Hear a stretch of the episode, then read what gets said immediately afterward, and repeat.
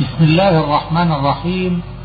الشريط السادس من كتاب التفسير تتمة سورة البقرة. ما في أنفسكم أو تخفوه يحاسبكم به الله الآية مقتضاها المحاسبة على ما في نفوس العباد من الذنوب سواء أبدوه أم أخفوه ثم المعاقبة على ذلك لمن يشاء الله أو الغفران لمن شاء الله.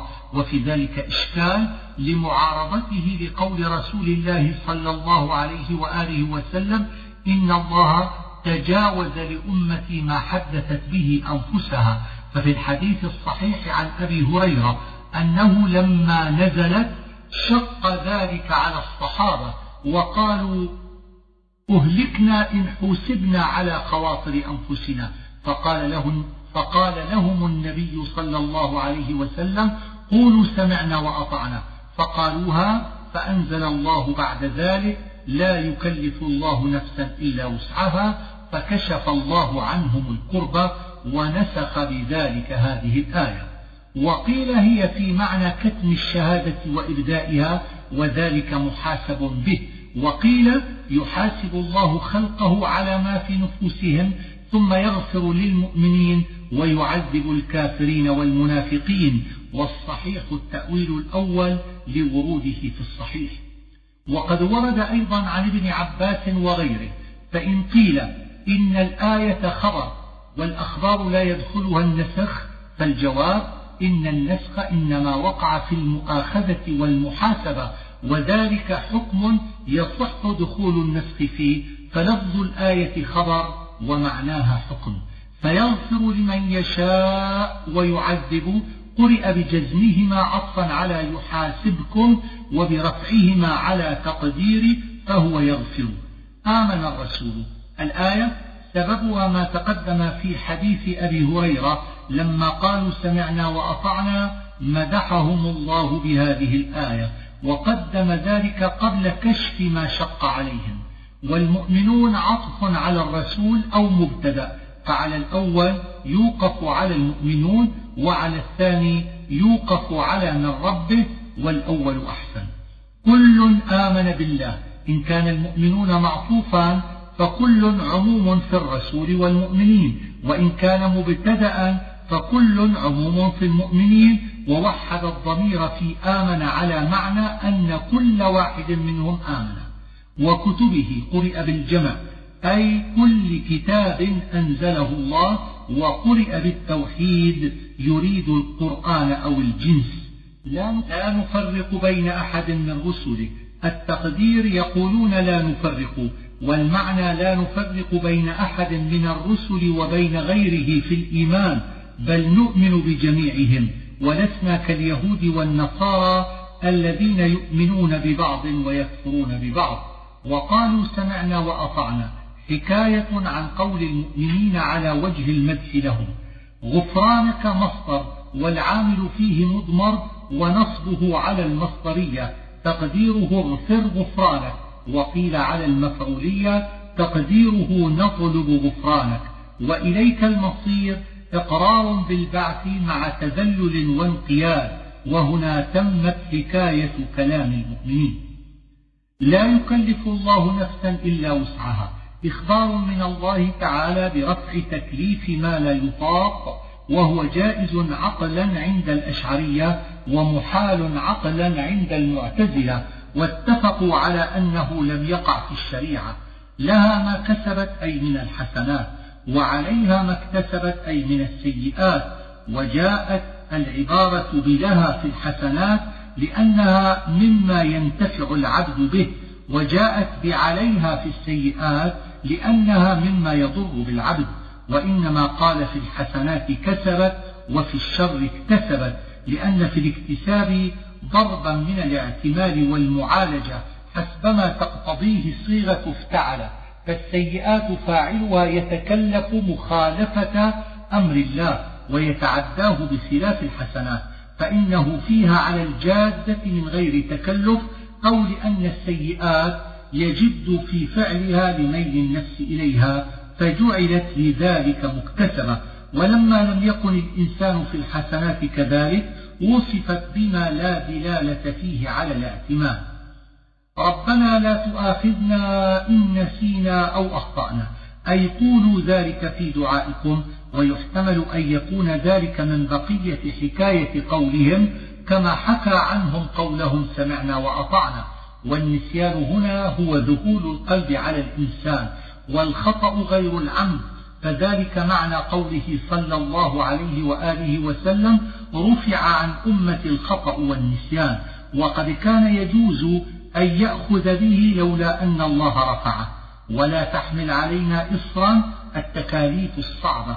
وقد كانت لمن تقدم من الأمم كقتل أنفسهم وقرض أبدانهم ورفعت عن هذه الأمة.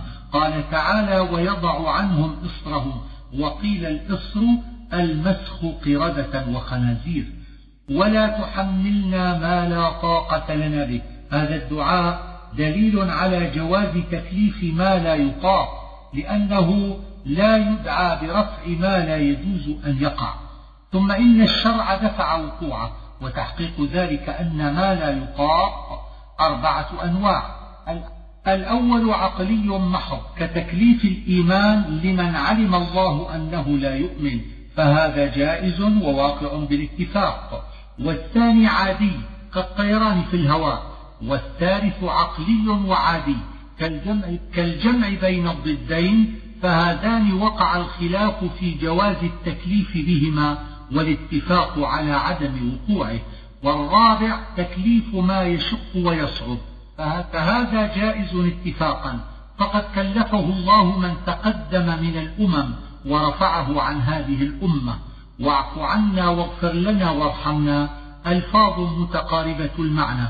وبينها من الفرق أن العفو ترك المؤاخذة بالذنب والمغفرة تقتضي مع ذلك الستر والرحمة تجمع ذلك مع التفضل بالإنعام. مولانا ولينا وسيدنا. سورة آل عمران. نزل صدرها إلى نية وثمانين آية لما قدم نصارى نجران المدينة المنورة يناظرون رسول الله صلى الله عليه وآله وسلم في عيسى عليه السلام. ألف لام تقدم الكلام على حروف الهجاء. وقرأ الجمهور بفتح الميم هنا في الوصل لالتقاء الساكنين نحو من الناس. وقال الزمخشري هي حركة الهمزة نقلت إلى الميم وهذا ضعيف لأنها ألف وصل تسقط في الدرج. الحي القيوم رد على النصارى في قولهم إن عيسى هو الله لأنهم زعموا أنه صلب فليس بحي وليس بقيوم. الكتاب هنا هو القرآن. بالحق أي تضمن الحق من الأخبار والأحكام وغيرها أو بالاستحقاق. مصدقا قد تقدم في مصدقا لما معكم. بين يديه الكتب المتقدمة. التوراة والإنجيل. أعجميان. فلا يصح ما ذكره النحاة من اشتقاقهما ووزنهما. وأنزل الفرقان. يعني القرآن. وإنما كرر ذكره ليصفه بأنه الفارق بين الحق والباطل ويحتمل أن يكون ذكره أولا على وجه الإثبات لإنزاله لقوله مصدقا لما بين يديه ثم ذكره ثانيا على وجه الامتنان بالهدى به كما قال في التوراة والإنجيل هدى للناس فكأنه قال وأنزل الفرقان هدى للناس. ثم حذف ذلك لدلالة الهدى الأول عليه. فلما اختلف قصد الكلام في الموضعين لم يكن ذلك تكرارا. وقيل الفرقان هنا كل ما فرق بين الحق والباطل من كتاب وغيره وقيل هو الزبور وهذا بعيد. لا يخفى عليه شيء خبر عن إحاطة علم الله بجميع الأشياء على التفصيل وهذه صفة لم تكن لعيسى ولا لغيره ففي ذلك رد على النصارى. هو الذي يصوركم برهان على إثبات علم الله المذكور قبل وفيه رد على النصارى لأن عيسى لا يقدر على التصوير بل كان مصورا كسائر بني آدم كيف يشاء من طول وقصر وحسن وقبح ولون وغير ذلك. منه آيات محكمات.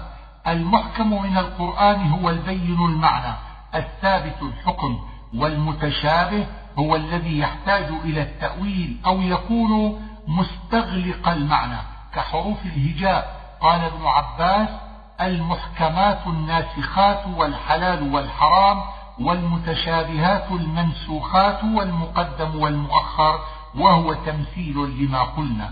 هن أم الكتاب. أي عمدة ما فيه ومعظمه. فأما الذين في قلوبهم زيغ نزلت في نصارى نجران فإنهم قالوا للنبي صلى الله عليه وآله وسلم أليس في كتابك أن عيسى كلمة الله وروح منه؟ قال نعم. قالوا فحسبنا إذا فهذا من المتشابه الذي اتبعوه.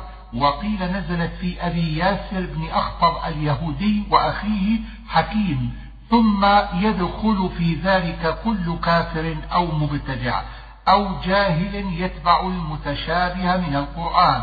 ابتغاء الفتنة أي ليفتنوا به الناس. وابتغاء تأويله أي يبتغون أن يتأولوه على ما تقتضي مذاهبهم أو يبتغون أن يصلوا من معرفة تأويله إلى ما لا يصل إليه مخلوق. وما يعلم تأويله إلا الله. إخبار بانفراد الله بعلم تأويل المتشابه من القرآن وذم لمن طلب علم ذلك من الناس. والراسخون في العلم مبتدأ مقطوع مما قبله. والمعنى أن الراسخين لا يعلمون تأويل المتشابه وإنما يقولون آمنا به على وجه التسليم والانقياد والاعتراف بالعجز عن معرفته. وقيل إنه معطوف على ما قبله وأن المعنى أنهم يعلمون تأويله. وكلا القولين مروي عن ابن عباس.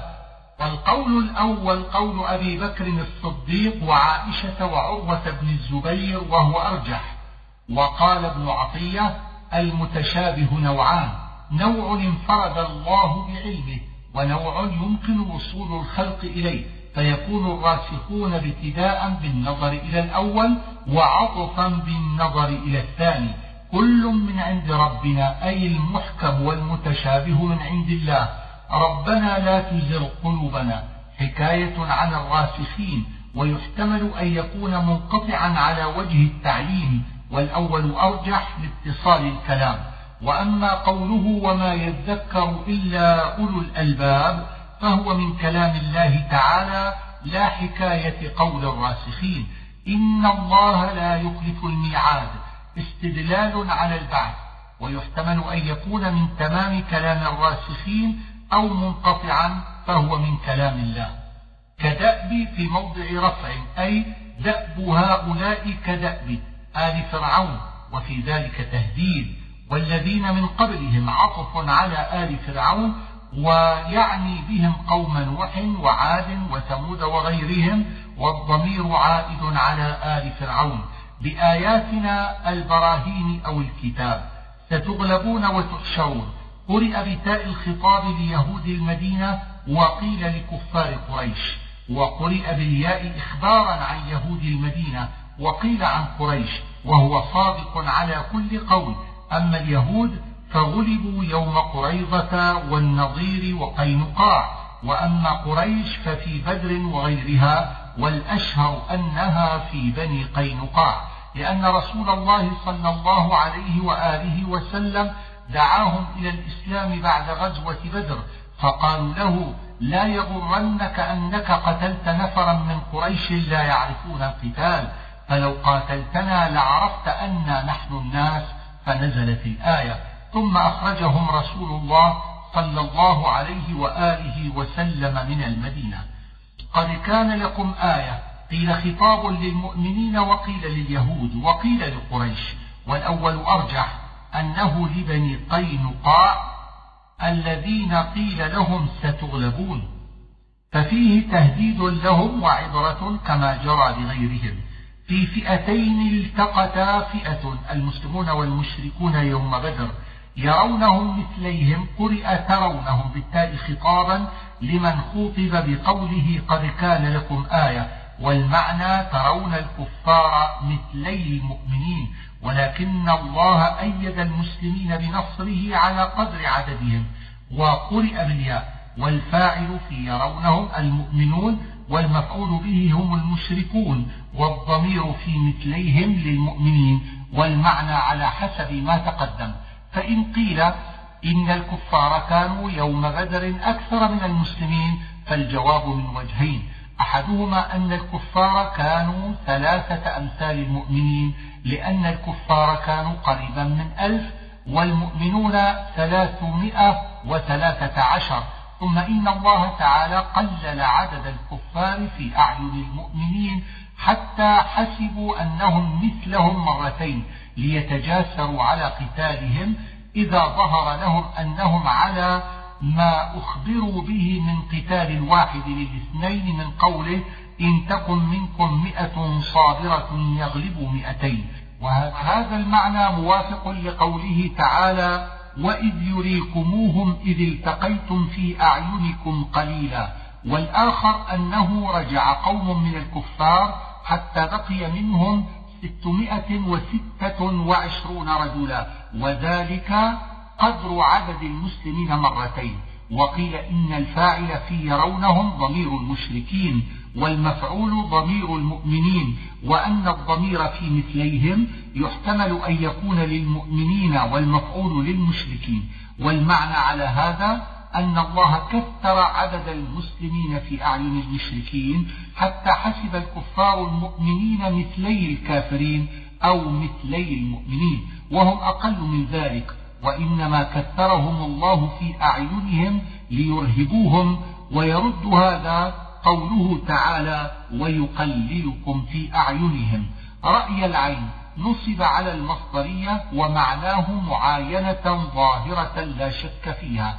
والله يؤيد بنصره من يشاء أي إن النصر بمشيئة الله لا بالقلة ولا بالكثرة فإن فئة المسلمين غلبت فئة الكافرين مع أنهم كانوا أكثر منهم.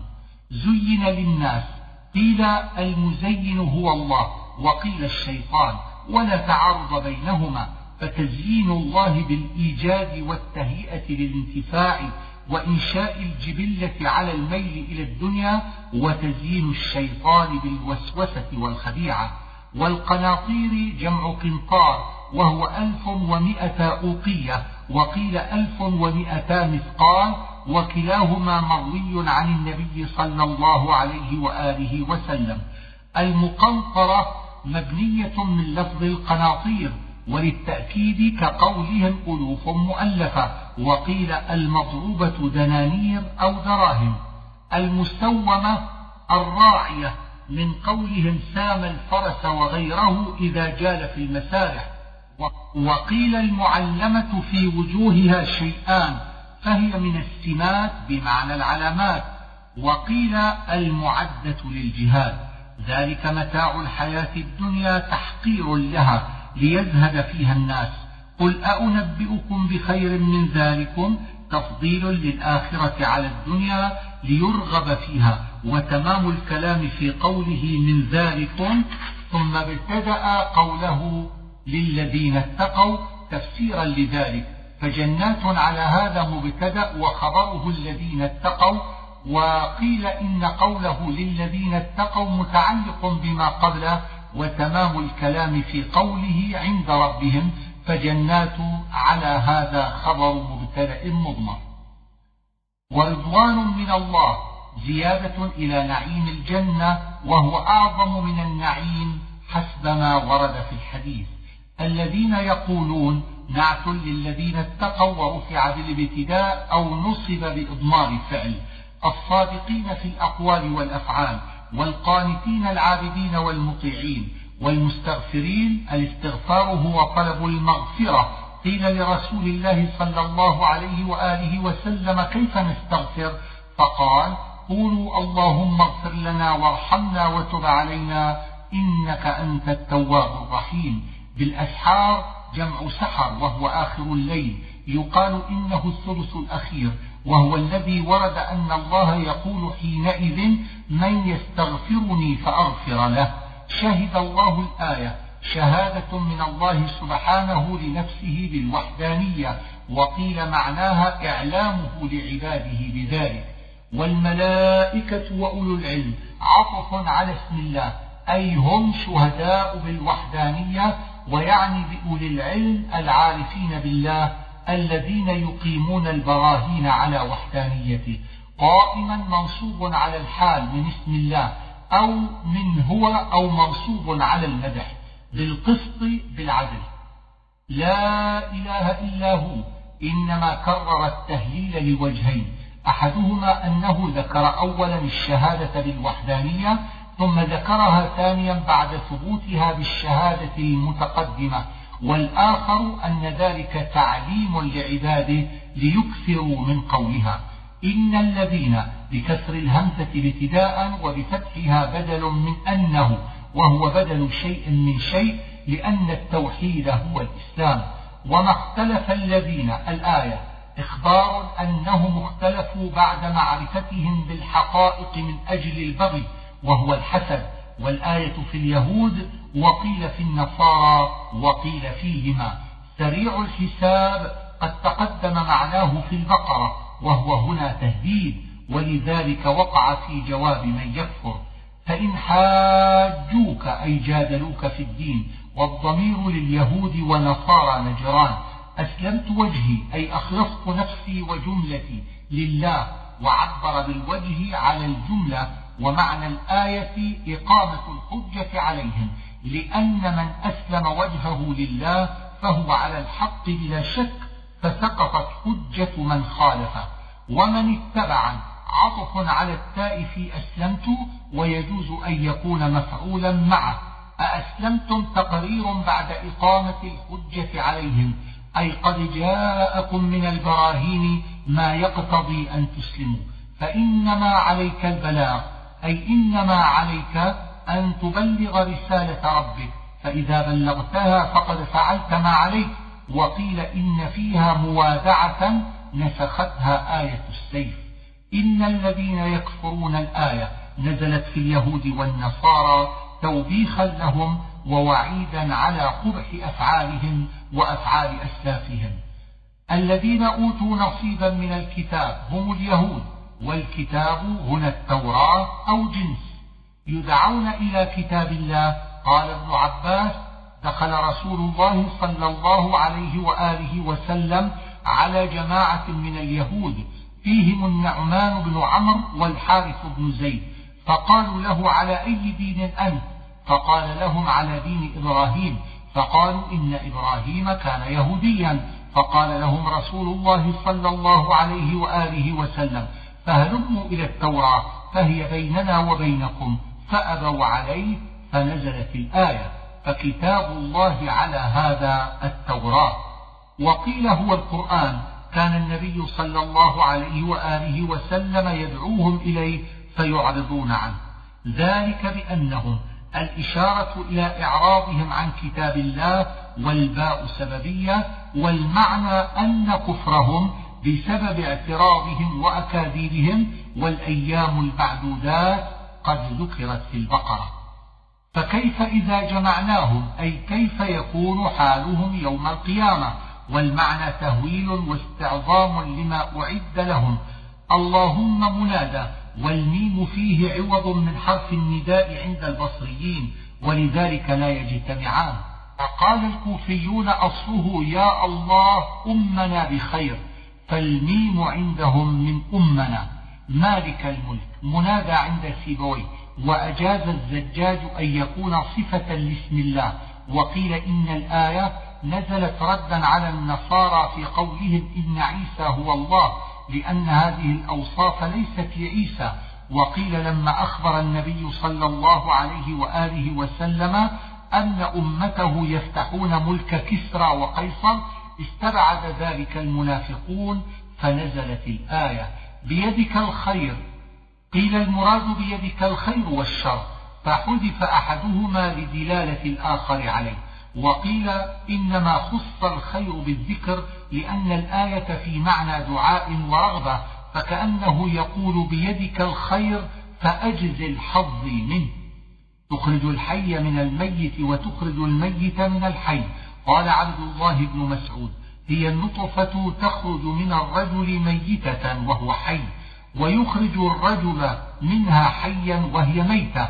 وقال عكرمة هي إخراج الدجاجة من البيضة والبيضة من الدجاجة.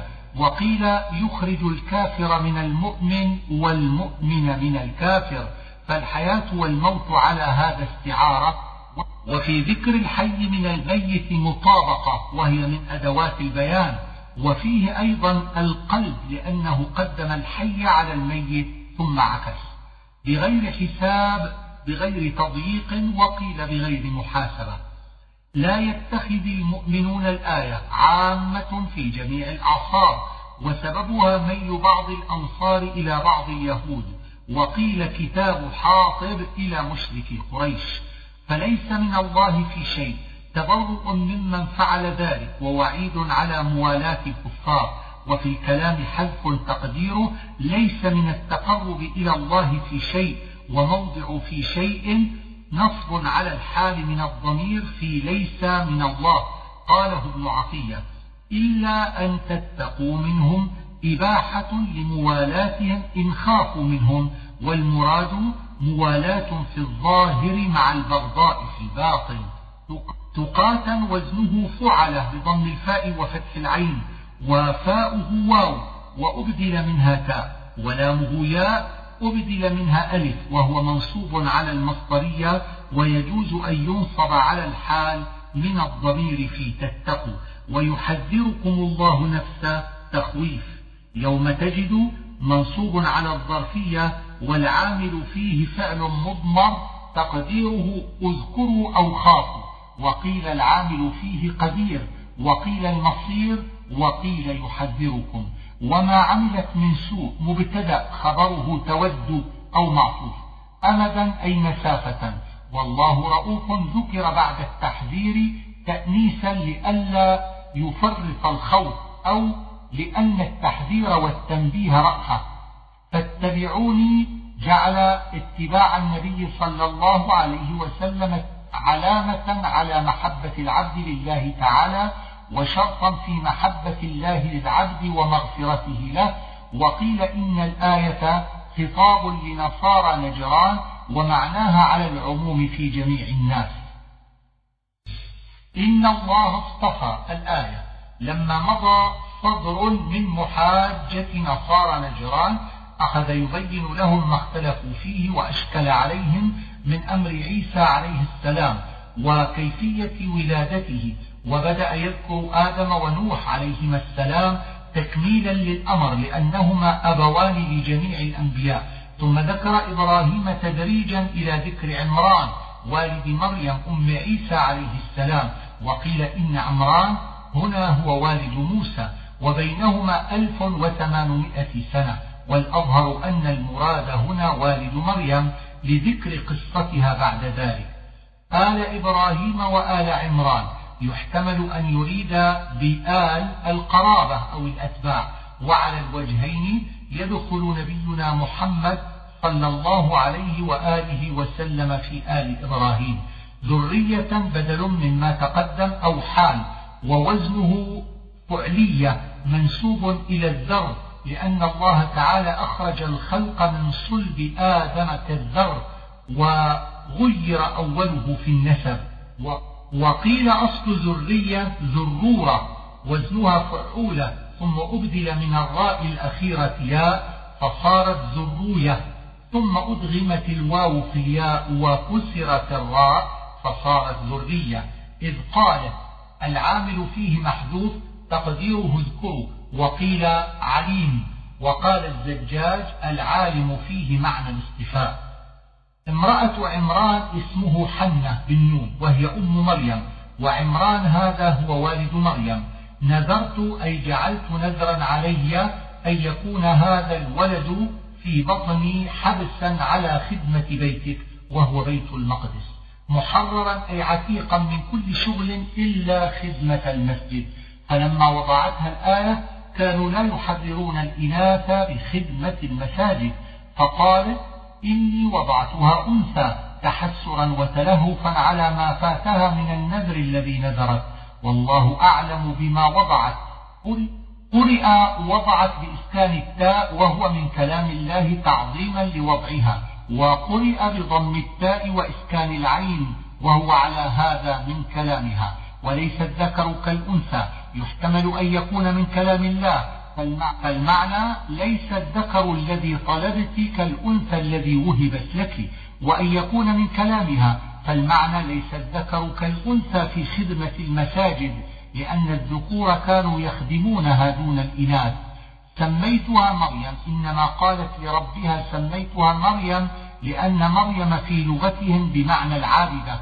فأرادت بذلك التقرب إلى الله ويؤخذ من هذا تسمية المولود يوم ولادته وامتنع مريم من الصرف للتعريف والتأنيث وفيه أيضا العجمة. وإني أعيدها بك ورد في الحديث ما من مولود إلا نخسه الشيطان يوم ولد فيستهل صارخا إلا مريم وابنها. لقوله وإني أعيدها بك الآية. فتقبلها ربها. أي رضيها للمسجد مكان الذكر بقبول حسن فيه وجهان. أحدهما أن يكون مصدرا على غير المصدر والآخر أن يكون اسما لما يقبل به كالسعوط اسم لما يسعط به. وأنبتها نباتا حسنا عبارة عن حسن النشأة وكفلها زكريا. أي ضمها إلى إنفاقه وحضانته والكافل هو الحاضن. وكان زكريا زوج خالتها وقرئ كفلها بتشديد الفاء ونصب زكريا أي جعله الله كافلها.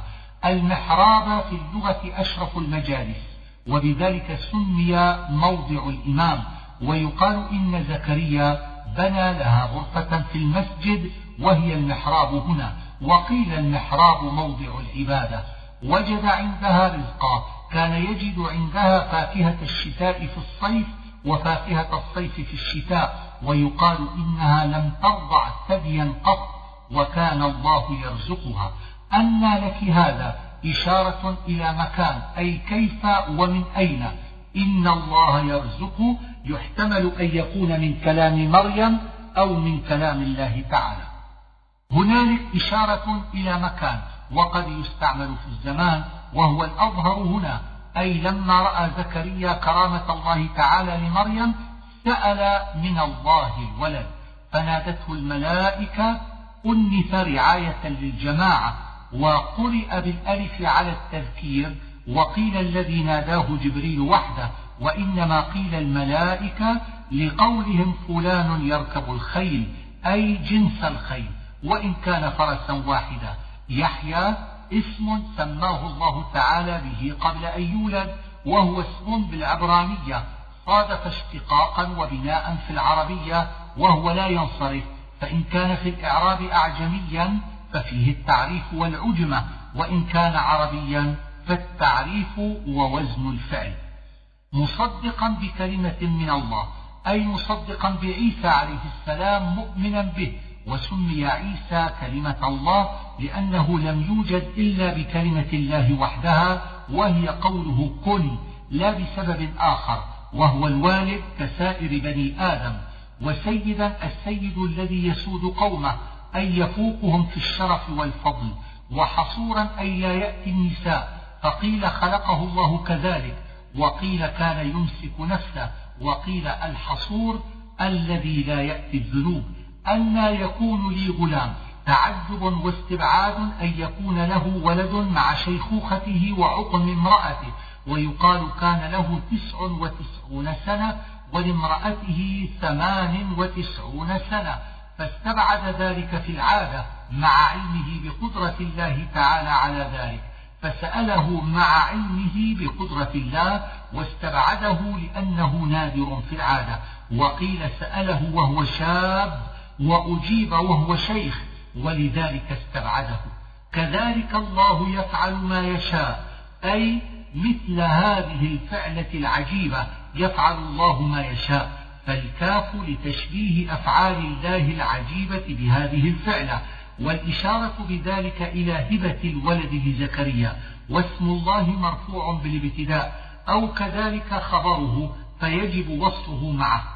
وقيل الخبر يفعل الله ما يشاء ويحتمل كذلك على هذا وجهين. أحدهما أن يكون في موضع الحال من فاعل يفعل والآخر أن يكون في موضع خبر مبتدأ محذوف تقديره الأمر كذلك أو أنتما كذلك وعلى هذا يوقف على كذلك والأول أرجح لاتصال الكلام وارتباط قوله يفعل ما يشاء مع ما قبله ولأن له نظائر كثيرة في القرآن منها قوله كذلك أخذ ربك. اجعل لي آية أي علامة على حمل المرأة. آية لا تكلم الناس. أي علامتك ألا تقدر على كلام الناس ثلاثة أيام بمنع لسانه عن ذلك مع إبقاء الكلام بذكر الله. ولذلك قال واذكر ربك كثيرا. وإنما حبس لسانه عن الكلام تلك المدة ليخلص فيها لذكر الله شكرا على استجابة دعائه ولا يشغل لسانه بغير الشكر والذكر. إلا رمزا إشارة باليد أو بالرأس أو غيرهما فهو استثناء منقطع بالعشي من زوال الشمس إلى غروبها والإبكار من طلوع الفجر إلى الضحى. وإذ قالت الملائكة اختلف هل المراد جبريل أو جمع من الملائكة والعامل في إذ مضمر؟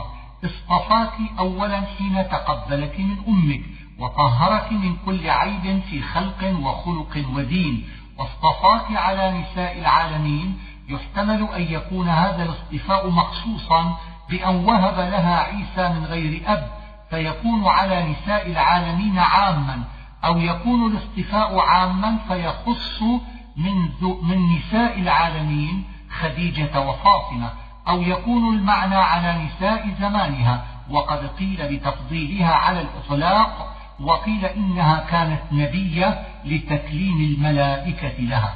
اقنتي القنوت هنا بمعنى الطاعة والعبادة.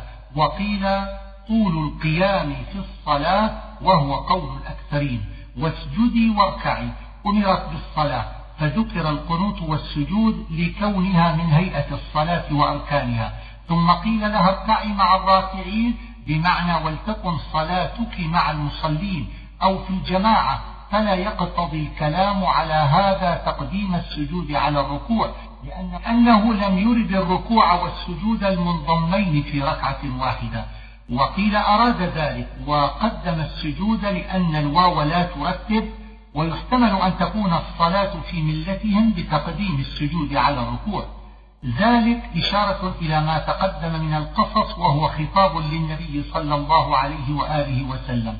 ما كنت لديهم احتجاجا على نبوته صلى الله عليه وآله وسلم لكونه أخبر بهذه الأخبار وهو لم يحضر معهم.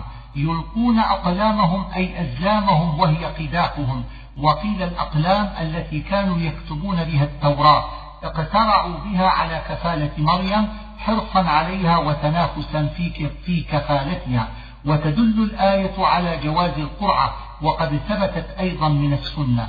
أيهم يكفل مريم؟ مبتدأ وخبر في موضع نصب بفعل تقديره ينظرون أيهم.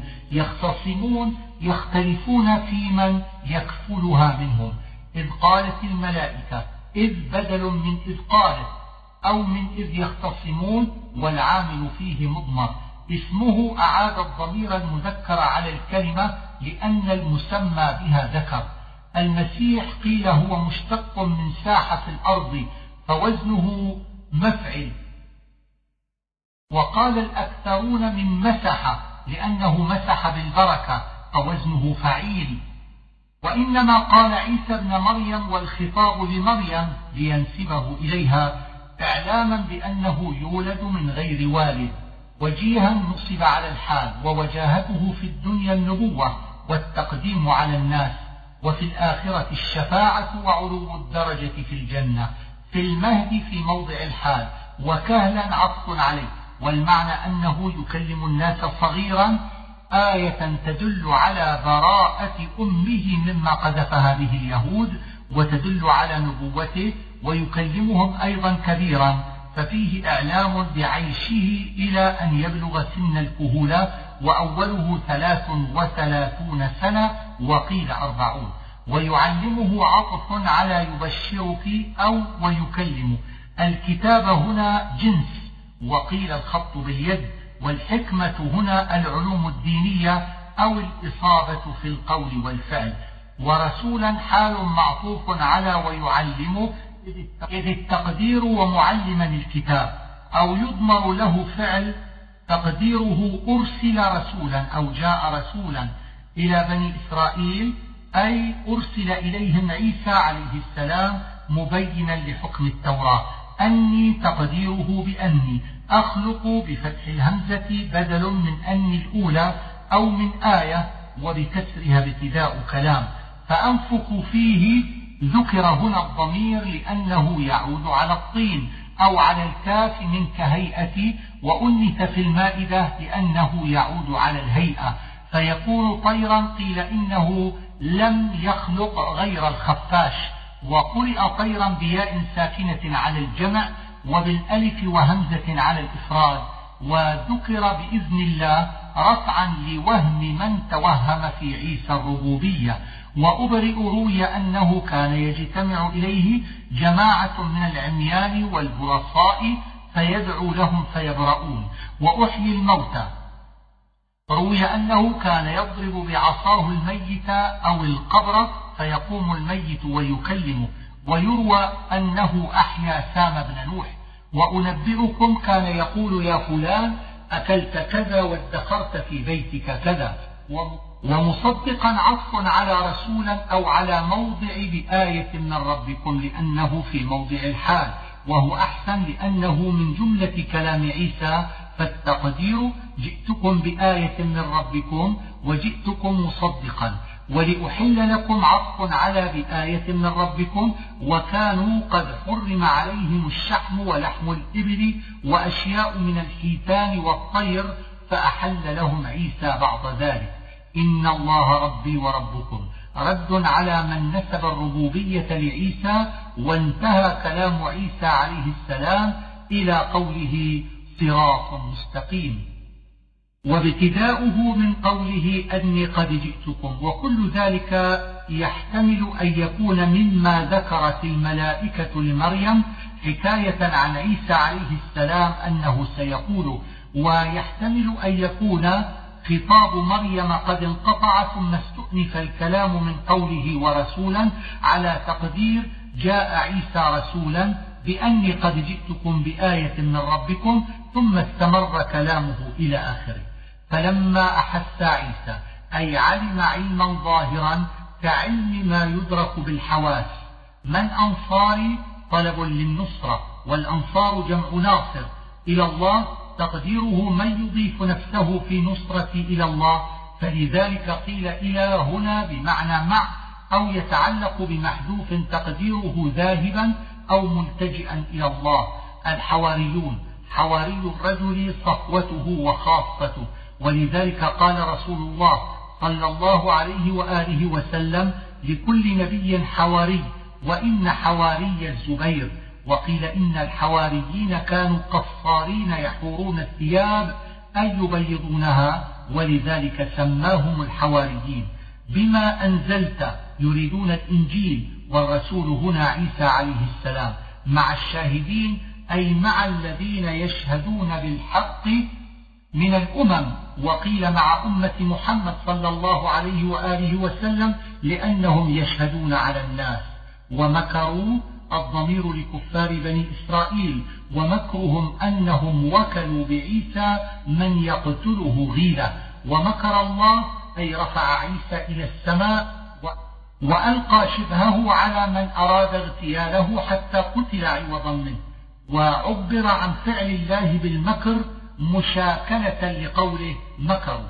والله خير الماكرين أي أقواهم وهو فاعل ذلك بحق والماكر من البشر فاعل بالباطل. إذ قال الله العامل فيه فعل مضمر أو ينكر. إني متوفيك. قيل وفاة موت ثم أحياه الله في السماء. وقيل رفع حيا. ووفاة الموت بعد أن ينزل إلى الأرض فيقتل الدجال.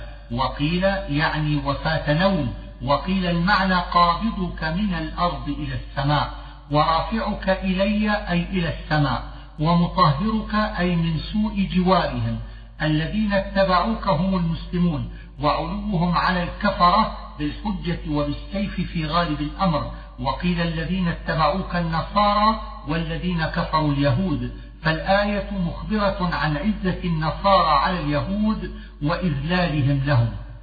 ذلك نتلوه إشارة إلى ما تقدم من الأخبار من الآيات المتلوات أو المعجزات الذكر القرآن الحكيم الناطق بالحكمة. إن مثل عيسى الآية حجة على النصارى في قولهم كيف يكون ابن دون أب؟ فمثله الله بآدم الذي خلقه الله دون أم ولا أب وذلك أغرب مما استبعدوه فهو أقطع لقولهم خلقه من تراب تفسير لحال آدم فيكون حكاية عن حال ماضية والأصل لو قال خلقه من تراب ثم قال له كن فيكون لكنه وضع المضارع موضع الماضي ليصور في نفوس المخاطبين أن الأمر كأنه حاضر دائم. الحق خبر مبتدأ مضمر. فمن حاجك فيه أي في عيسى وكان الذي حاجة فيه وفد نجران من النصارى وكان لهم سيدان يقال لأحدهما السيد والآخر العاقب. نبتهل نلتعن والبهلة اللعنة أي نقول لعنة الله على الكاذب منا ومنكم. هذا أصل الابتهال ثم استعمل في كل دعاء يجتهد فيه وإن لم يكن لعنة.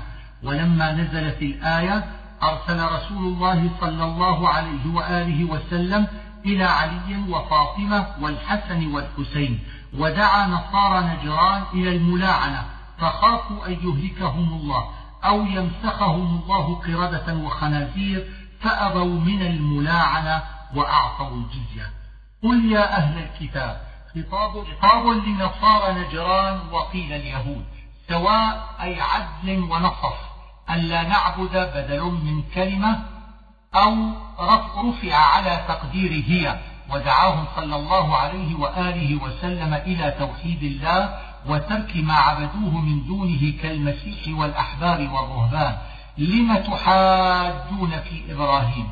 قالت اليهود كان إبراهيم يهوديا وقالت النصارى كان نصرانيا فنزلت الآية ردا عليهم لأن ملة اليهود والنصارى إنما وقعت بعد موت إبراهيم بمدة طويلة. ها أنتم ها تنبيه. وقيل بدل من همزة الاستفهام. وأنتم مبتدأ. وهؤلاء خبر وحاججتم استئناف. أو هؤلاء منصوب على التخصيص. وحاججتم الخبر. فيما لكم به علم فيما نطقت به التوراة والإنجيل فيما ليس لكم به علم ما تقدم على ذلك من حال إبراهيم. ما كان إبراهيم يهوديا ولا نصرانيا رد على اليهود والنصارى. وما كان من المشركين نفي للإشراك الذي هو عبادة الأوثان. ودخل في ذلك الإشراك الذي يتضمن دين اليهود والنصارى. وهذا النبي عطف على الذين اتبعوه أي محمد صلى الله عليه وآله وسلم أولى الناس بإبراهيم لأنه على دينه والذين آمنوا أمة محمد صلى الله عليه وآله وسلم. ودت طائفة هم اليهود. دعوا حذيفة وعمارا ومعاذا إلى اليهودية وما يضلون إلا أنفسهم أي لا يعود وبال الإضلال إلا عليهم. وأنتم تشهدون أي تعلمون أن محمدا صلى الله عليه وآله وسلم نبي. لم تلبسون الحق؟ أي تخلطون والحق نبوة محمد صلى الله عليه وسلم والباطل الكفر به. آمنوا بالذي أنزل. كان قوم من اليهود لعنهم الله. أظهروا الإسلام أول النهار. ثم كفروا آخره ليخدعوا المسلمين فيقولوا ما رجع هؤلاء إلا عن علم. وقال السهيلي إن هذه الطائفة هم عبد الله بن الصيف وعدي بن زيد والحارث بن عوف. أن يؤتى أحد مثل ما أوتيتم. يحتمل أن يكون من تمام الكلام الذي أمر النبي صلى الله عليه وآله وسلم أن يقوله متصلا بقوله إن الهدى هدى الله. وأن يكون من كلام أهل الكتاب فيكون متصلا بقولهم ولا تؤمنوا إلا لمن تبع دينكم. ويكون إن الهدى اعتراضا بين الكلامين. فعلى الأول يكون المعنى كراهة أن يؤتى أحد مثل ما أوتيتم وقلتم ما قلتم. ودبرتم ما دبرتم من الخداع. فموضع أن يؤتى مفعول من أجله أو منصوب بفعل مضمر تقديره فلا تنكروا أن يؤتى. أحد مثل ما أوتيتم من الكتاب والنبوة وعلى الثاني فيكون المعنى ولا تؤمنوا أي لا تقروا بأن يؤتى أحد مثل ما أوتيتم إلا لمن تبع دينكم. واكتبوا ذلك على من لم يتبع دينكم لئلا يدعوهم إلى الإسلام.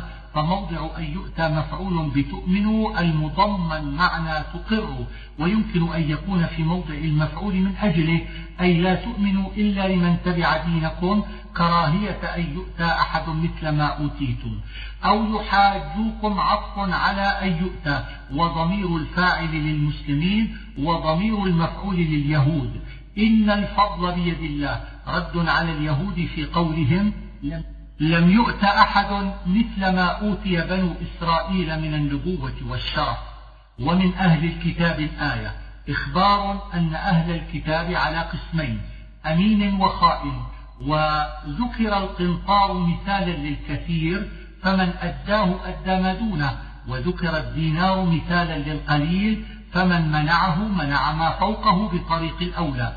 قائما يحتمل أن يكون من القيام الحقيقي بالجسد أو من القيام بالأمر وهو العزيمة عليه. ذلك بأنهم الإشارة إلى خيانتهم والباء للتعليل. ليس علينا زعم بأن أموال الأميين وهم العرب حلال لهم. الكذب هنا قولهم إن الله أحلها عليهم في التوراة أو كذبهم على الإطلاق. بلى عليهم سبيل وتباعة في أموال الأميين. بعهده الضمير يعود على من أو على الله. إن الذين يشترون الآية قيل نزلت في اليهود لأنهم تركوا عهد الله في التوراة لأجل الدنيا وقيل نزلت بسبب خصومة, خصومة بين الأشعث بن قيس وآخر فأراد خصمه أن يحلف كاذبا. وإن, وإن منهم الضمير عائد على أهل الكتاب يلوون ألسنتهم أي يحرفون اللفظ أو المعنى لتحسبوه الضمير يعود على ما دل عليه قوله يلوون ألسنتهم وهو الكلام المحرف ما كان لبشر الآية هذا النفي متسلط على ثم يقول للناس والمعنى لا يدعي الربوبية من آتاه الله النبوة. والإشارة إلى عيسى عليه السلام رد على النصارى الذين قالوا إنه الله وقيل إلى محمد صلى الله عليه وآله وسلم لأن اليهود قالوا له يا محمد نريد أن نعبدك كما عبدت النصارى عيسى فقال معاذ الله ما بذلك أمرت ولا إليه دعوت ربانيين جمع رباني وهو العالم. وقيل الرباني الذي يربي الناس بصغار العلم قبل كباره بما كنتم ألباء سببية وما مصدرية. تعلمون بالتخفيف تعرفون وقرئ بالتشديد من التعليم ولا يأمركم بالرفع استئناف والفاعل الله أو البشر المذكور وقرئ بالنصب عطف على أن يؤتيه أو على ثم يقول والفاعل على هذا البشر. وإذ أخذ الله ميثاق النبيين. معنى الآية أن الله أخذ العهد والميثاق على كل نبي أن يؤمن بمحمد صلى الله عليه وآله وسلم وينصره إن أدركه وتضمن ذلك أخذ هذا الميثاق على أمم الأنبياء. واللام في قوله لما آتيتكم لام التوطئة. لأن أخذ الميثاق في معنى الاستحلاف واللام في لتؤمنن جواب القسم وما يحتمل أن تكون شرطية ولتؤمنن سد مسد جواب القسم والشرط وأن تكون موصولة بمعنى الذي آتيناكموه. لتؤمنن به والضمير في به ولتنصرنه عائد على الرسول. أأقررتم أي اعترفتم؟ اصري عهدي. فاشهدوا أي على أنفسكم وعلى أممكم بالتزام هذا العهد. وأنا معكم تأكيد للعهد بشهادة رب العزة جل جلاله. بعد ذلك أي من تولى عن الإيمان بعد هذا النبي صلى الله عليه وآله وسلم بعد هذا الميثاق فهو فاسق مرتد متمرد في كفره. أفغير الهمزة للإنكار والفاء عطفت جملة على جملة وغير مفعول قدم للاهتمام به أو للحصر. وله أسلم أي انقاد واستسلم. طوعا وكرها مصدر صدر في موضع الحال. والطوع للمؤمنين والكره للكافر إذا عاين الموت. وقيل عند أخذ الميثاق المتقدم وقيل إقرار كل كافر بالصانع هو إسلامه كرها. قل آمنا. أمر النبي صلى الله عليه وآله وسلم أن يخبر عن نفسه وعن أمته بالإيمان. وما أنزل علينا تعدى هنا بعلى مناسبة لقوله قل وفي البقرة بإلى لقوله قولوا لأن على حرف استعلاء يقتضي النزول من علم ونزوله على هذا المعنى مختص بالنبي صلى الله عليه وآله وسلم وإلى حرف غاية وهو موصل إلى جميع الأمة. ومن يبتغي الآية إبطال لجميع الأديان غير الإسلام. وقيل, وقيل نسخت إن الذين آمنوا والذين هادوا والنصارى الآية. كيف؟ سؤال والمراد به هنا استبعاد الهدى. أو من كفروا. نزلت في الحارث بن سويد وغيره. أسلموا ثم ارتدوا ولحقوا بالكفار. ثم كتبوا إلى أهلهم هل لنا من توبة؟ فنزلت الآية إلى قوله إلا الذين تابوا. فرجعوا إلى الإسلام. وقيل نزلت في اليهود والنصارى شهدوا بصفة النبي صلى الله عليه وآله وسلم وآمنوا به ثم كفروا به لما بعث. وشهدوا عطف على إيمانهم لأن معناه بعد أن آمنوا. وقيل الواو للحال. وقال ابن عطية عطف على كفروا والواو, والواو لا ترتب.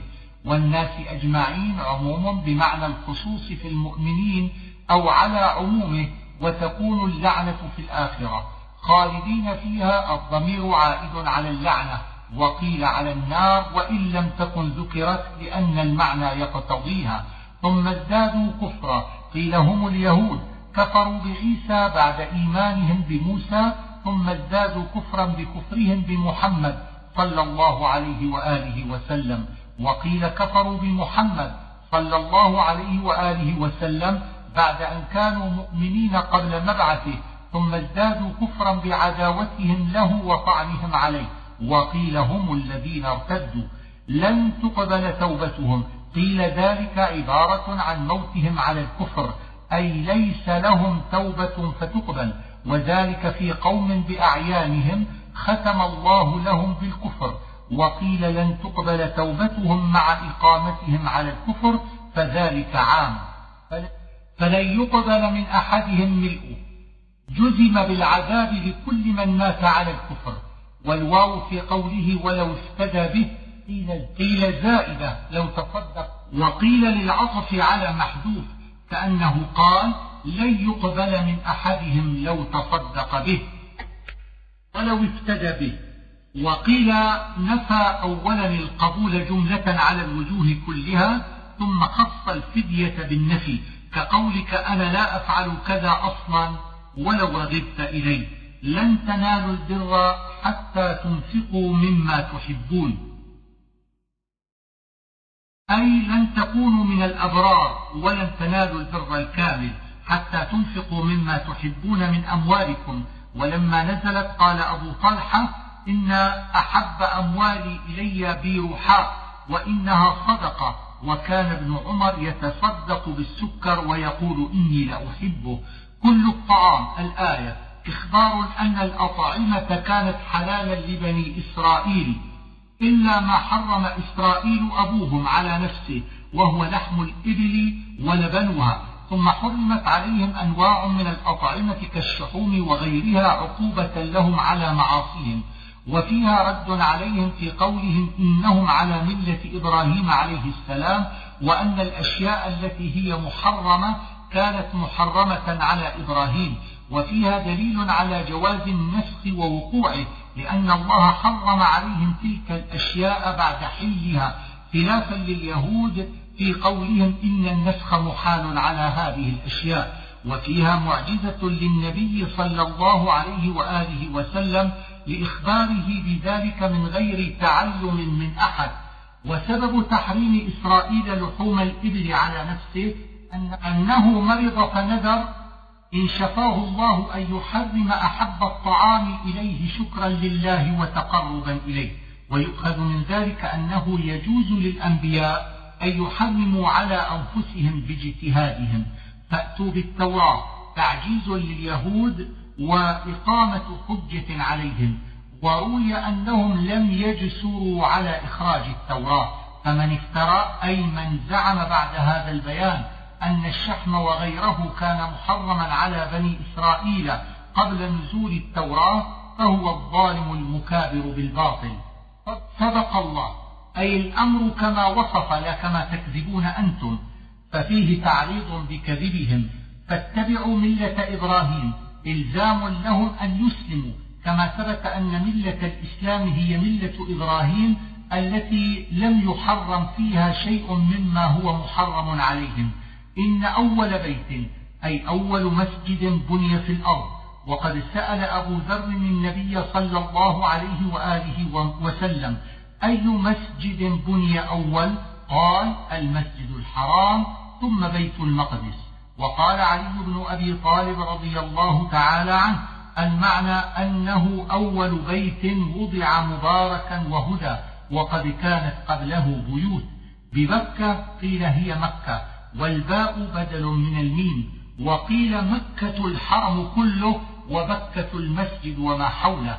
مباركا, مباركا نصب على الحال والعامل فيه على قول علي وضع على أنه حال من الضمير الذي فيه وعلى القول الأول هو حال من الضمير المجرور والعامل فيه العامل في المجرور من معنى الاستقرار. فيه آيات بينات آيات البيت كثيرة منها الحجر الذي قام عليه حين رفع القواعد من البيت فكان كلما طال البناء ارتفع به الحجر في الهواء حتى أكمل البناء. وغرقت قدم إبراهيم في الحجر كأنها في طين وذلك الأثر باق إلى اليوم. ومنها أن الطيور لا تعلوه ومنها إهلاك أصحاب الفيل ورد الجبابرة عنه ونبع زمزم لهاجر أم إسماعيل بهمز جبريل بعقبه وحق عبد المطلب بعد جسورها وأن ماءها ينفع لما شرب له إلى غير ذلك.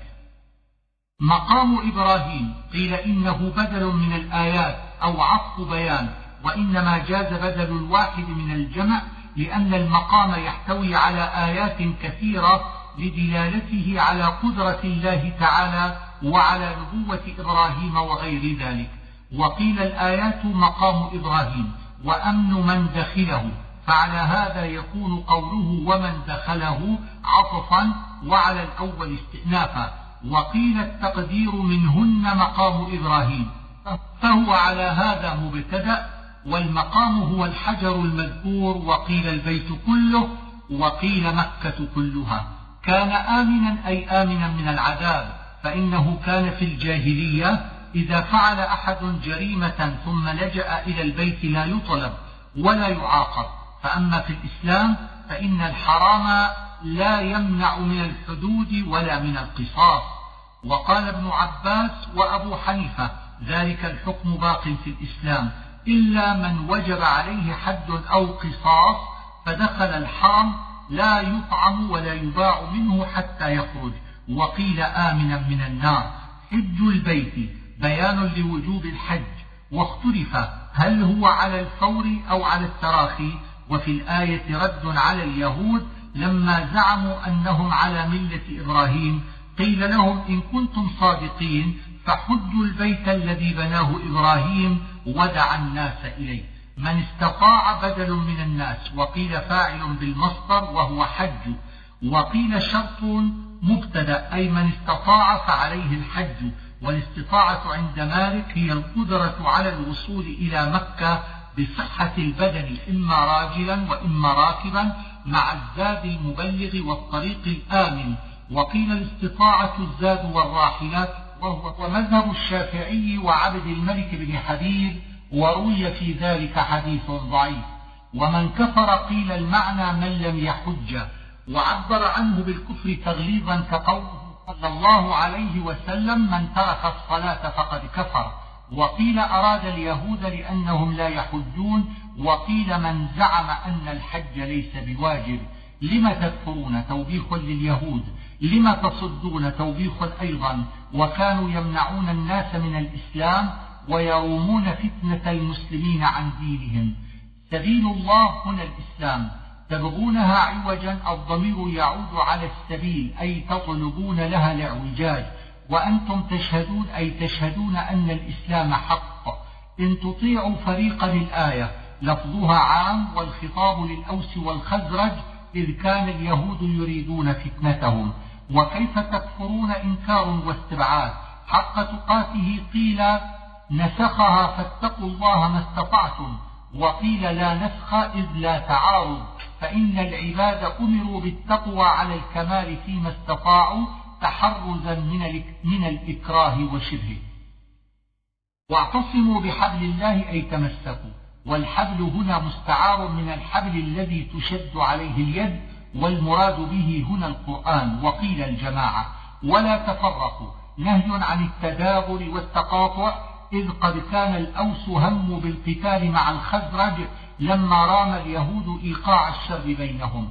ويحتمل أن يكون نهيا عن التفرق في أصول الدين ولا يدخل في النهي الاختلاف في الفروع. إذ كنتم أعداء كان بين الأوس والخزرج عداوة وحروب عظيمة إلى أن جمعهم الله بالإسلام شفى حفرة حرف حفرة وذلك تشبيه لما كانوا عليه من الكفر والعداوة التي تقودهم إلى النار. ولتكن منكم أمة. الآية دليل على أن الأمر بالمعروف والنهي عن المنكر واجب وقوله منكم دليل على أنه فرض كفاية لأن من للتبعيض وقيل إنها لبيان الجنس وأن المعنى يكون أمة وتغيير المنكر يكون باليد وباللسان وبالقلب على حسب الأحوال. كالذين تفرقوا هم اليهود والنصارى.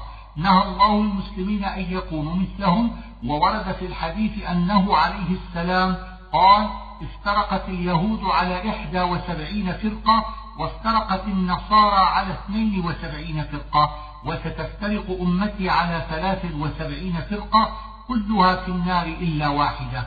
قيل ومن تلك الواحدة؟ قال من كان على ما أنا وأصحابي عليه. يوم تبيض وجوه. العامل فيه محذوف وقيل عذاب عظيم. أكفرتم بعد إيمانكم؟ أي يقال لهم أكفرتم. والخطاب لمن ارتد عن الإسلام وقيل للخوارج وقيل لليهود لأنهم آمنوا بصفة النبي صلى الله عليه وآله وسلم المذكورة في التوراة ثم كفروا به لما بعث. كنتم خير أمة. كان هنا هي التي تقتضي الدوام كقوله وكان الله غفورا رحيما. وقيل كنتم في علم الله. وقيل كنتم فيما وصفتم به في الكتب المتقدمة. وقيل كنتم بمعنى أنتم والخطاب لجميع المؤمنين. وقيل للصحابة خاصة لن يضروكم إلا أذى أي بالكلام خاصة وهو أهون المضرة. يولوكم الأدبار إخبار بغيب ظهر في الوجود صدقه ثم لا ينصرون إخبار مستأنف غير معطوف على يولوكم وفائدة ذلك أن توليهم الأدبار مقيد بوقت القتال وعدم النصب على الإطلاق وعطفت الجملة على جملة الشرط والجزاء وثم لترتيب الأحوال لأن عدم نصرهم على الإطلاق أشد من توليهم الأدبار حين القتال. إلا بحبل من الله. الحبل هنا العهد والذمة. ليسوا سواء أي ليس أهل الكتاب مستوين في دينهم.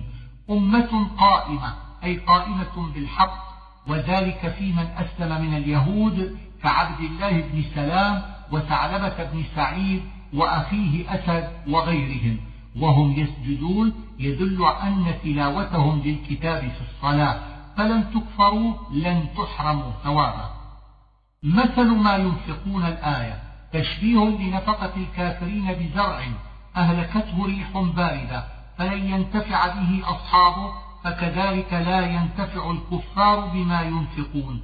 وفي الكلام حذف تقديره مثل ما ينفقون كمثل مهلك ريح أو مثل إهلاك ما ينفقون كمثل إهلاك ريح. وإنما احتيج لهذا لأن ما ينفقون ليس تشبيها بالريح إنما هو تشبيه بالزرع الذي أهلكته الريح. سر أي برد؟ حرث قوم ظلموا أنفسهم عصوا الله فعاقبهم بإهلاك حرثهم. وما, وما ظلمهم الله الضمير للكفار أو المنافقين أو لأصحاب الحرث. والأول أرجح لأن قوله أنفسهم يظلمون فعل حال يدل على أنه للحاضرين. بطانة من دونكم أي أولياء من غيركم فالمعنى نهي عن استخلاص الكفار وموالاتهم. وقيل لعمر رضي الله عنه إن هنا رجلا من النصارى لا أحد أحسن خطا منه أفلا يكتب عنه؟ قال إذا أتخذ بطانة من دون المؤمنين. لا يألونكم خبالا أي لا يقصرون في إفسادكم والخبال الفساد. ودوا ما عنتم تمنوا مضرتكم وما مصدرية وهذه الجملة والتي قبلها صفة للبطانة أو استئناف. وتؤمنون بالكتاب كله أي بكل كتاب أنزله الله واليهود لا يؤمنون بقرآنكم. عضوا عليكم الأنامل من الغيظ. عبارة عن شدة الغيظ مع عدم القدرة على إنفاذه. والأنامل جمع أنملة بضم الميم وفتحها. موتوا بغيظكم تقريع وإغاظة وقيل دعاء. إن تمسسكم حسنة الحسنة هنا الخيرات من النصر والرزق وغير ذلك والسيئة ضدها. لا يضركم من الضير بمعنى الضر. وإذ غدوت من أهلك نزلت في غزوة أحد. وكان غزو رسول الله صلى الله عليه وآله وسلم للقتال صبيحة يوم السبت وخرج من المدينة يوم الجمعة بعد الصلاة. وكان قد شاور أصحابه قبل الصلاة. تبوئ المؤمنين تنزلهم وذلك يوم السبت حين حضر القتال. وقيل ذلك يوم الجمعة بعد الصلاة حين خرج من المدينة وذلك ضعيف لأنه لا يقال غدوت فيما بعد الزوال إلا على المجاز وقيل ذلك يوم الجمعة قبل الصلاة حين شاور الناس وذلك ضعيف لأنه لم يبوئ حينئذ مقاعد للقتال إلا أن يراد أنه بوأهم بالتدبير حين المشاورة. مقاعد مواضع وهو جمع مقعد. طائفتان منكم هم بنو حارثة من الأوس وبنو سلمة من الخزرج. لما رأوا كثرة المشركين وقلة المؤمنين هموا بالانصراف فعصمهم الله ونهضوا مع رسول الله صلى الله عليه وآله وسلم. أن تفشل الفشل في البدن هو الإعياء والفشل في الرأي هو العجز والحيرة وفساد العزم والله وليهما مثبتهما. وقال جابر بن عبد الله ما وددنا أنها لم تنزل لقوله والله وليهما. ولقد نصركم الله ببدر. تذكير بنصر الله يوم بدر لتقوى قلوبهم. وأنتم أذلة. الذلة هي قلة عددهم وضعف عددهم. كانوا يوم بدر ثلاثمائة وثلاثة عشر رجلا ولم يكن لهم إلا فرس واحد. وكان, وكان المشركون ما بين التسعمائة والألف وكان معهم مئة فرس. فقتل من المشركين سبعون وأسر منهم سبعون وانهزم سائرهم. لعلكم تشكرون متعلق بنصركم أو بالتقوى والأول أظهر. إذ تقول للمؤمنين كان هذا القول يوم بدر وقيل يوم أحد فالعامل في إذ على الأول محذوف وعلى الثاني بدل من إذ غدوت. ألن يكفيكم؟ تقرير جوابه بلى وإنما جاوب المتكلم لصحة الأمر وبيانه كقوله قل من رب السماوات والأرض قل الله. ويأتوكم من فورهم الضمير للمشركين والفور السرعة أي من ساعتهم وقيل المعنى من سفرهم. بخمسة آلاف بأكثر من العدد الذي يكفيكم ليزيد ذلك في قوتكم. فإن كان هذا يوم بدر فقد قاتلت فيه الملائكة. وإن كان يوم أحد فقد شرف في قوله إن تصبروا وتتقوا. فلما خالفوا الشر لم تنزل الملائكة. مسومين بفتح الواو وكسرها أي معلمين أو معلمين أنفسهم أو خيلهم. وكانت سيم الملائكة يوم بدر عمائم بيضاء إلا جبريل فإنه كانت عمامته صفراء وقيل كانت عمائمهم صفرا وكانت خيلهم مجزوزة الأذناب وقيل كانوا على خيل بلق وما جعله. الضمير عائد على الإنزال أو الإنزال ولتطمئن معطوف على بشرى لأن هذا الفعل بتأويل المصدر وقيل يتعلق بفعل مضمر يدل عليه جعله ليقطع يتعلق بقوله ولقد نصركم الله أو بقوله ومن نصر ليس لك من الأمر شيء جملة اعتراضية بين المعطوفين ونزلت لما دعا رسول الله صلى الله عليه وآله وسلم في الصلاة على أحياء من العرب فترك الدعاء عليهم أو يتوب عليهم معناه يسلمون أضعافا مضاعفة. كانوا يزيدون كلما حل عاما بعد عام. سارعوا بغير واو استئناف وبالواو عطف على ما تقدم. إلى مغفرة أي إلى الأعمال التي تستحقون بها المغفرة. عرضها قال ابن عباس تقرن السماوات والأرض بعضها إلى بعض كما تبسط الثياب فذلك عرض الجنة ولا يعلم طولها إلا الله وقيل ليس العرض هنا خلاف الطول وإنما المعنى سعتها كسعة السماوات والأرض في السراء والضراء في العسر واليسر وهم يعلمون حذف مفعوله وتقديره وهم يعلمون أنهم قد أذنبوا. قد خلت من قبلكم سنن. خطاب للمؤمنين تأنيسا لهم وقيل للكافرين تخويفا لهم. فانظروا من نظر العين عند الجمهور وقيل هو بالفكر ولا تهنوا تقوية لقلوب المؤمنين. وأنتم الأعلون إخبار بعلو كلمة الإسلام. إن يمسسكم قرح الآية معناها إن مسكم قتل أو جراح في أحد فقد مس الكفار مثله في بدر وقيل قد مس الكفار يوم أحد مثل ما مسكم فيه فإنهم نالوا منكم ونلتم منهم وذلك تسلية للمؤمنين بالتأسي. نداولها.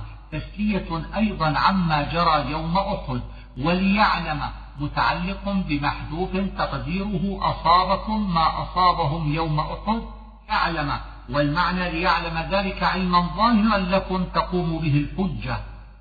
شهداء من قتل من المسلمين يوم أحد وليمحص الله أن يظهر وقيل يميز وهو معطوف على ما تقدم من التعليلات لقصة أحد.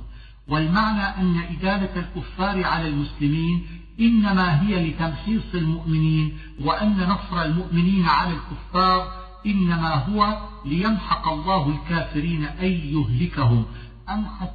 أم حسبتم أم هنا منقطعة مقدرة ببل والهمزة عند سيبويه وهذه الآية وما بعدها معاتبة لقوم من المؤمنين صدرت منهم أشياء يوم أحد. تمنون الموت. خوطب به قوم فاتتهم غزوة بدر فتمنوا حضور قتال الكفار مع النبي صلى الله عليه وآله وسلم ليستدركوا ما فاتهم من الجهاد. فعلى هذا إنما تمنوا الجهاد وهو سبب الموت وقيل إنما تمنوا الشهادة في سبيل الله. وما محمد إلا رسول. المعنى أن محمدا صلى الله عليه وآله وسلم رسول كسائر الرسل. قد بلغ الرسالة كما بلغوا فيجب عليكم التمسك بدينه في حياته وبعد موته. وسببها أنه صرخ صارخ يوم أحد إن محمدا قد مات فتزلزل بعض الناس. أفإن مات دخلت ألف التوبيخ على جملة الشرط والجزاء ودخلت الفاء لتربط الجملة الشرطية بالجملة التي قبلها. والمعنى أن موت رسول الله صلى الله عليه وآله وسلم أو قتله لا يقتضي انقلاب أصحابه على أعقابهم. لأن شريعته قد تقررت وبراهينه قد صحت فعاتبهم على تقدير أن لو صدر منهم انقلاب لو مات صلى الله عليه وآله وسلم أو قتل. وقد علم أنه لا يقتل ولكن ذكر ذلك لما صرخ صارخ لما صرخ به صارخ ووقع في نفوسهم. الشاكرين قال علي بن أبي طالب رضي الله عنه الثابتون على دينهم. كتابا مؤجلا. نصب على المصدر أن المعنى كتب الموت كتابا. وقال ابن عطية نصب على التمييز نؤتيه منها في ثواب الدنيا مقيد بالمشيئة بدليل قوله عجلنا له فيها ما نشاء لمن نريد. وكأي من نبي قاتل الفعل مسند إلى ضمير النبي ومعه ربيون على هذا في موضع الحال وقيل إنه مسند إلى الربيين فيكون ربيون على هذا مفعولا لما لم يسمى فاعله. فعلى الأول يوقف على قوله قتل ويترجح الأول بما صرخ به الصارخ يوم أحد. إن محمدا قد مات فضرب لهم المثل بنبي قتل. ويترجح الثاني بأنه لم يقتل نبي في محاربة. ربيون علماء مثل ربانيين وقيل جموع كثيرة. فما وهنوا الضمير لربيون على إسناد القتل للنبي وهو لم يكن منهم على إسناد القتل إليهم. وما استكانوا أي لم يذلوا للكفار قال بعض النحاة الاستكان مشتق من السكون ووزنه افتعل مطلت فتحة الكاف فحدث من مطلها ألف وذلك كالإشفاع. وقيل إنه من كان يقول فوزنه استفعل وقوله تعالى فما وهن وما بعده تعريض لما صدر من بعض الناس يوم أحد. وثبت أقدامنا أي في الحرب ثواب الدنيا النصر ثواب الآخرة الجنة. إن تطيعوا الذين كفروا هم المنافقون الذين قالوا في قضية أحد ما قالوا وقيل مشركو قريش وقيل اليهود. الرعب قيل ألقى الله الرعب في قلوب المشركين بأحد فرجعوا إلى مكة من غير سبب. وقيل لما كانوا ببعض الطريق هموا بالرجوع ليستأصلوا المسلمين. فألقى الله الرعب في قلوبهم فأمسكوا والآية تتناول جميع الكفار لقوله صلى الله عليه وآله وسلم نصرت بالرعب. ولقد صدقكم الله وعده. كان رسول الله صلى الله عليه وآله وسلم قد وعد المسلمين عن الله بالنصر فنصرهم الله أولا وانهزم المشركون وقتل منهم اثنان وعشرون رجلا. وكان رسول الله صلى الله عليه وآله وسلم قد أمر الرماة أن يثبتوا في مكانهم ولا يبرحوا. فلما رأوا المشركين قد انهزموا طمعوا في الغنيمة واتبعوهم وخالفوا ما أمر به من الثبوت في مكانهم فانقلبت الهزيمة على المسلمين. إذ تحسونهم تقتلونهم قتلا ذريعا يعني في أول الأمر. وتنازعتم وقع النزاع بين الرماة فثبت بعضهم كما أمروا ولم يثبت بعضهم.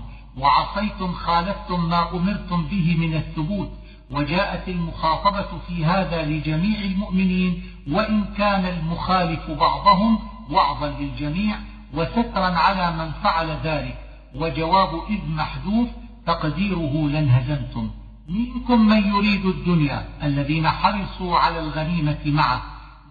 ليبتليكم معناه لينزل بكم ما نزل من القتل والتمحيص.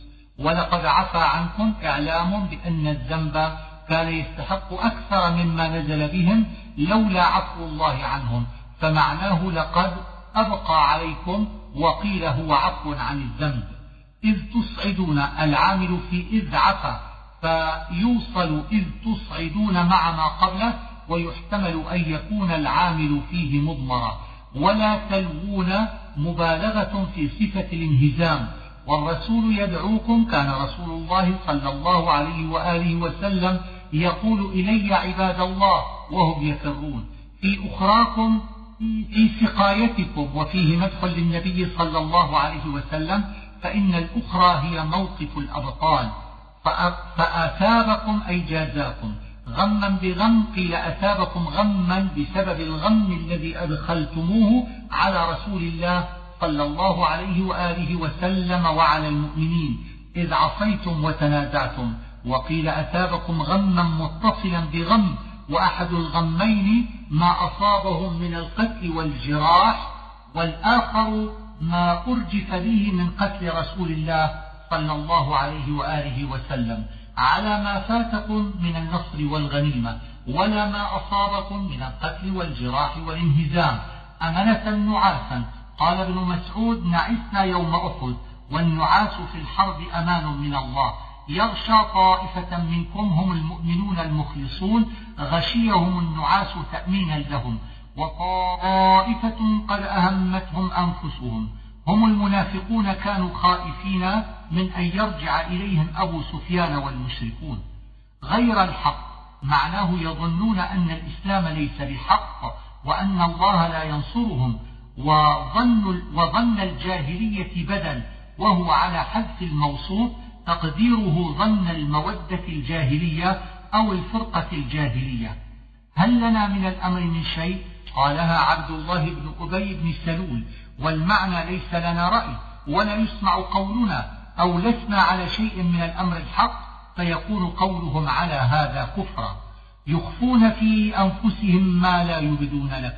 يحتمل أن يريد الأقوال التي قالوها أو الكفر. لو كان لنا من الأمر شيء قاله معشب بن قشير ويحتمل من المعنى ما احتمل قول عبد الله بن أبي. قل لو كنتم في بيوتكم الآية رد عليهم وإعلام بأن أجل كل إنسان إنما هو واحد وأن من لم يقتل يموت لأجله ولا يؤخر وأن من كتب عليه القتل لا ينجيه منه شيء.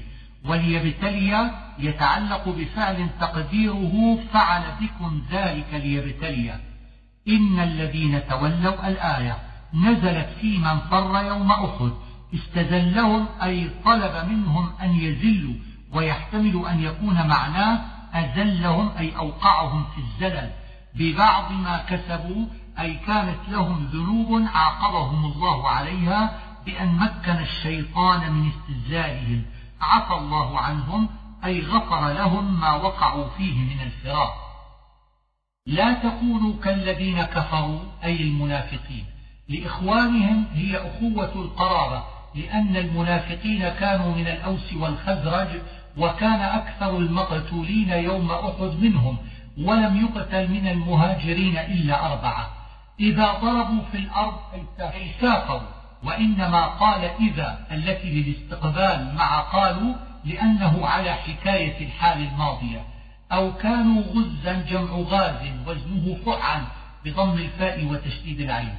لو كانوا عندنا اعتقاد منهم فاسد لأنهم ظنوا أن إخوانهم لو كانوا عندهم لم يموتوا ولم يقتلوا. وهذا قول من لا يؤمن بالقضاء والقدر والأجل المحتوم. ويقرب منه مذهب المعتزلة في القول بالأجلين ليجعل متعلق بقالوا أي قالوا ذلك فكان حسرة في قلوبهم فاللام لام الصيرورة لبيان العاقبة.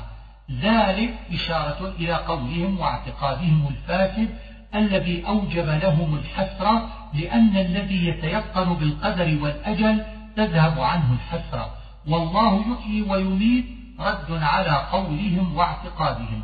ولئن قتلتم الآية إخبار أن مغفرة الله ورحمته لهم إذا قتلوا وماتوا في سبيل الله خير لهم مما يجمعون من الدنيا.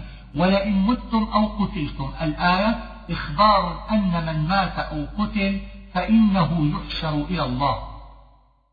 فبما رحمة ما زائدة للتأكيد لم فضوا أي تفرقوا. فاعف عنهم فيما يختص بك واستغفر لهم فيما يختص بحق الله. وشاورهم المشاورة مأمور بها شرعا وإنما يشاور النبي صلى الله عليه وسلم الناس في الرأي في الحروب وغيرها لا في الأحكام الشرعية. وقال ابن عباس وشاورهم في بعض الأمر. فإذا عزمت فتوكل على الله. التوكل هو الاعتماد على الله في تحصيل المنافع. أو حفظها بعد حصولها وفي دفع المضرات ورفعها بعد وقوعها وهو من أعلى المقامات لوجهين. أحدهما قوله إن الله يحب المتوكلين والآخر الضمان الذي في قوله ومن يتوكل على الله فهو حسبه. وقد يكون واجبا لقوله تعالى وعلى الله فتوكلوا إن كنتم مؤمنين فجعله شرطا في الإيمان والظاهر قوله جل جلاله وعلى الله فليتوكل المؤمنون فإن الأمر محمول على الوجوب. واعلم أن الناس في التوكل على ثلاثة مراتب الأولى أن يعتمد العبد على ربه كاعتماد الإنسان على وكيله المأمون عنده الذي لا يشك في نصيحته له وقيامه بمصالحه. والثانية أن يكون العبد مع ربه كالطفل مع أمه فإنه لا يعرف سواها ولا يلجأ إلا إليها. والثالثة أن يكون العبد مع ربه كالميت بين يدي الغاسل وقد أسلم نفسه إليه الكلية. فصاحب الدرجة الأولى له حظ من النظر لنفسه بخلاف صاحب الثانية وصاحب الثانية له حظ من المراد والاختيار بخلاف صاحب الثالثة. وهذه الدرجات مبنية على التوحيد الخاص الذي تكلمنا عليه في قوله وإلهكم إله واحد. فهي تقوى. قيل هل يشترط في التوكل ترك الأسباب أم لا؟ فالجواب أن الأسباب على ثلاثة أقسام.